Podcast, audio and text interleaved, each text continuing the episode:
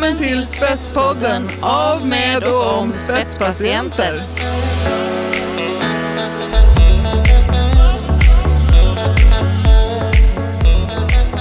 Idag är Spetspodden på Vitalis. Det är ju Nordens ledande e-hälsomöte. Och jag heter Helena Konning som ska göra en intervju här med Sara Riggare. Och vi är ju båda engagerade i projektet Spetspatienter. Ja, det stämmer. Vad tänker du på när du tänker på spetspatientbegreppet som har växt fram här de senaste åren Sara? Jag tänker att jag är jätteglad att det här ordet som jag hittade på för drygt tre år sedan har fått sån spridning och används av så många och ännu fler för, för varje dag som går. Det gör mig jätteglad. Ja, det är en fantastisk utveckling. Ja. Vad lägger du i begreppet då? Ja, det har ju fått växa fram lite grann och fortsätter att växa fram av sin användning. Eh, från början kom det ju sig av att jag såg likheter mellan det som vi patienter och närstående gör för att hantera våra hälsoutmaningar och det man gör som lead user, det vill säga en, en person som är tidig användare av olika, olika produkter och tjänster och som utvecklar dem själva vidare baserat på sina egna behov. Och på lead user på svenska kallas spetsanvändare. Och det jag gjorde då var att jag bytte ut användare mot patient. Så från början var det ju väldigt mycket det här innovativa begreppet men det har ju breddats och blivit väldigt mycket mer allmänt använt och jag tycker det är jättebra för då, då visar jag att det finns ett behov för, för det här begreppet och ordet, att det, att det fyller en, ett syfte. Mm. Det är ju en, eh, idag nu så är vi på Vitalis, den här mässan och Karin eh, Monter här och sitter och ska möta eh, både företag och myndigheter och organisationer och det ska vara spetspatienter här. Ja, Vad tänker du kring det, att helt plötsligt få komma in i det här rummet? Ja, jag har ju varit på den här mässan förut men aldrig tidigare haft en monter och det visar ju ändå på någonting att det, det är någonting som håller på att hända, att patienter får ta mer, tar mer plats i den i det, utvecklingen av vård och, och tekniken till vården också. Det är väldigt glädjande att det äntligen börjar hända. Och vad är, jag tänker, vi har pratat en del i projektet om eh, patientdelaktighet på systemnivå och så. Ja, Kan du säga lite grann, berätta lite grann om vad är det? Ja, det finns ju olika eh, lagtexter och andra styrande dokument som, som, som säger att man, man, vården ska involvera patienter och närstående i patientsäkerhetsarbetet till exempel. Och det är ju både på individnivå men också på systemnivå för att förbättra vården och göra den mer säker för, andra, för sig själv och för andra patienter. Och det där har ju inte riktigt kommit till, kommit till eh, det, det är inte riktigt på plats än. Så vi, vi driver ju på där också såklart från projektet. Och vi kommer formalis- vi håller på att ta fram en rapport för att beskriva det lite tydligare. Så att vi tror att det kommer att fortsätta förbättras och vi, vi hoppas vi ska kunna hjälpa till att bidra där. Och det, på systemnivå, det, det ska ju framförallt stödja och, och, och eh, medföra, ska, ska ju för, ge- förutsättningar för att man kan vara delaktig i sin egen vård, i sitt eget vårdmöte som individ. Men för att det ska komma på plats ordentligt så måste det ju finnas förutsättningar på systemnivå för att arbeta för det sättet, på, det, på det sättet också. Och det är väl det som vi framförallt vill, vill få fram och, och, och etablera en tydlig linje i från projektet Spetspatienter. Vad tror du att det blir för resultat och vad förväntar man sig av ett, att patienterna ska bli mer delaktiga? Vad, är det, vad ska det leda till? Ja, självklart kommer det leda till en bättre vård. Säker, bättre, säkrare vård och bättre hälsa. Och det låter ju väldigt enkelt, men det är det ju inte såklart för då skulle det redan vara gjort. Men, men det är ju det som det kommer leda till när det blir på riktigt. Vilka är hindren då? Kulturen i vården, systemen, för det finns ju många, många personer i, i vården som arbetar och vill arbeta på, på det här sättet redan nu. Men systemet stödjer det ju inte så det, det, det är svårt att få till det systematiskt och, och, och på, ett, på, ett, på ett mer storskaligt sätt.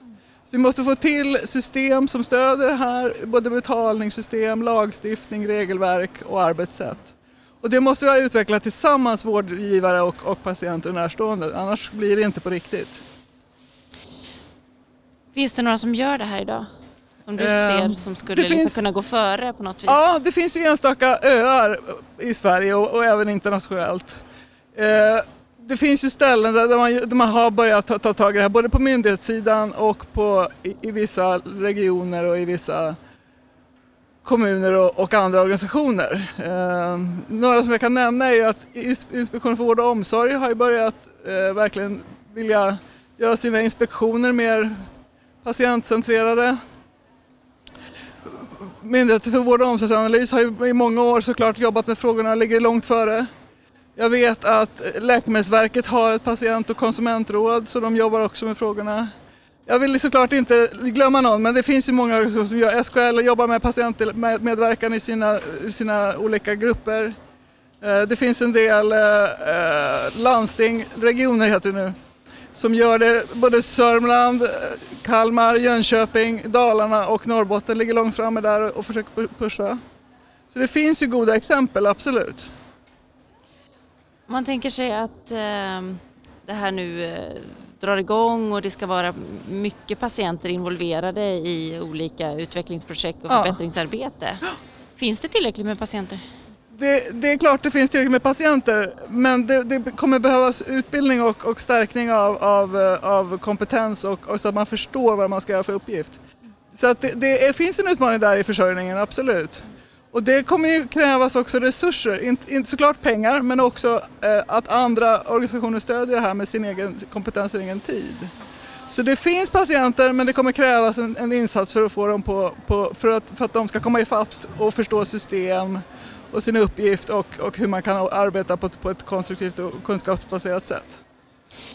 Det har funnits en hel del frågor kring det här med spetspatienter. Är det en ny elit och hur förhåller sig det här kontra andra patientföreningar och så ja, vidare? Ja. Kan du säga lite grann om hur det är? Absolut, det är en av de kritikerna vi får och det handlar ju om att folk är rädda att, att, att andra grupper ska trängas ut. Att vi som har, kan prata för oss och har, har, har resurserna att ta oss fram ska få det ännu lättare och självklart är det ju absolut inte det vi är ute efter. Utan vi tänker att om vi som kan och vill göra mer själva får system och eh, stöd av teknik och annat att göra det så kommer ju det frigöras vårdmöten som vi inte använder som de som inte vill och kan kan använda istället. Och självklart är det ett problem med utträngningseffekter i alla sammanhang, det har vi redan idag. Och jag, jag, vi, vi, vi, är övertygade om att det här kommer, inte, kommer leda till mer jämlik vård och hälsa och inte tvärtom. Eh, om det görs på rätt sätt. Och självklart finns det massor med goda saker som många patientföreningar och närstående föreningar gör. Och vi, vi, vi, kommer, vi vill komplettera det arbetet och hjälpa till och, och, och stödja det på systemnivå. Jag vet ju att eh, vi inom projektet Spetspatienter har tittat på vilken typ av man har beskrivit det som spetspatientighet ja. eller kompetenser. Ja. Eh, och eh, att det finns olika uttryck som spetspatientighet tar sig. Ja. Eh, och då tänker jag så här, är det någonting man kan använda i ett utvecklingsarbete eller förbättringsarbete? Och... Ja, absolut. Det vi, har sett, vi, vi, vill ju inte prata om så mycket om vad spetspatienter är utan vi vill prata om vad, vad spetspatienter gör, det vill säga spetspatientighet.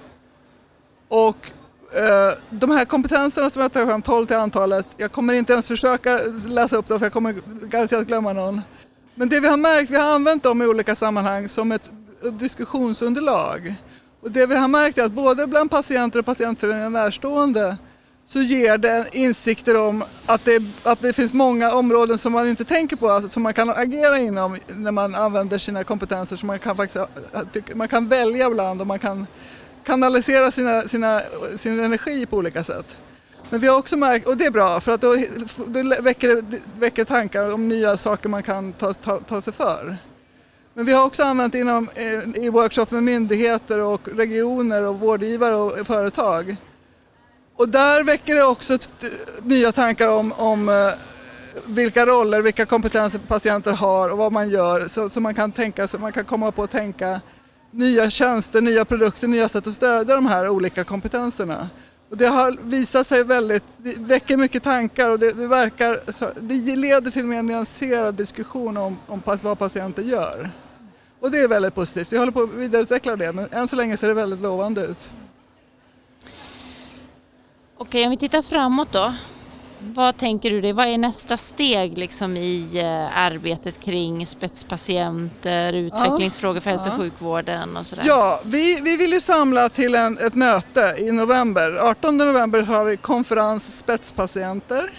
Aula Medica i Stockholm där man kan, man kan, där, kan man titta på just konferensspetspatienter.se läsa lite om, vi har börjat sä- sätta upp programmet där och då, där vill vi samla till, för, till att diskutera den här nya typen av patientdelaktighet, samla alla aktörer, patienter, närstående patientorganisationer, vårdgivare, forskare, företag, organisationer, myndigheter, samhället i stort. För att, för att vi tillsammans ska diskutera frågorna i samma rum och ku- kunna hitta nya, sätt, nya vägar framåt. Ja, det ska bli spännande. Ja, Eh, det blir det. Vad gör vi här framåt mer än eh, konferens då tänker jag? Vad, vad har vi eh, att ta tag i? det finns ju lite att göra kan man säga. Det, det är inte så att det, det finns ont om arbete utan det finns, det finns mycket som behöver göras. Och det kräver ju väldigt mycket eh, tankearbete men också att arbeta tillsammans på olika sätt. Vi följer ju de här, det här arbetet som görs på offentliga utredningar, vi, vi följer med i debatten, vi följer med i diskussionerna på alla plan och försöker hålla ett öga på om, omvärlden utanför Sverige också. Vi- Det är en spännande tid. Vi får se vad vi, vad vi, hur, vi, hur vi kommer framåt men vi, vi har mycket att se fram emot, det är jag övertygad om. Det låter härligt. Ska vi ta oss an dagen? Det gör vi. Ja. Tack! Tack. Hej! Hej!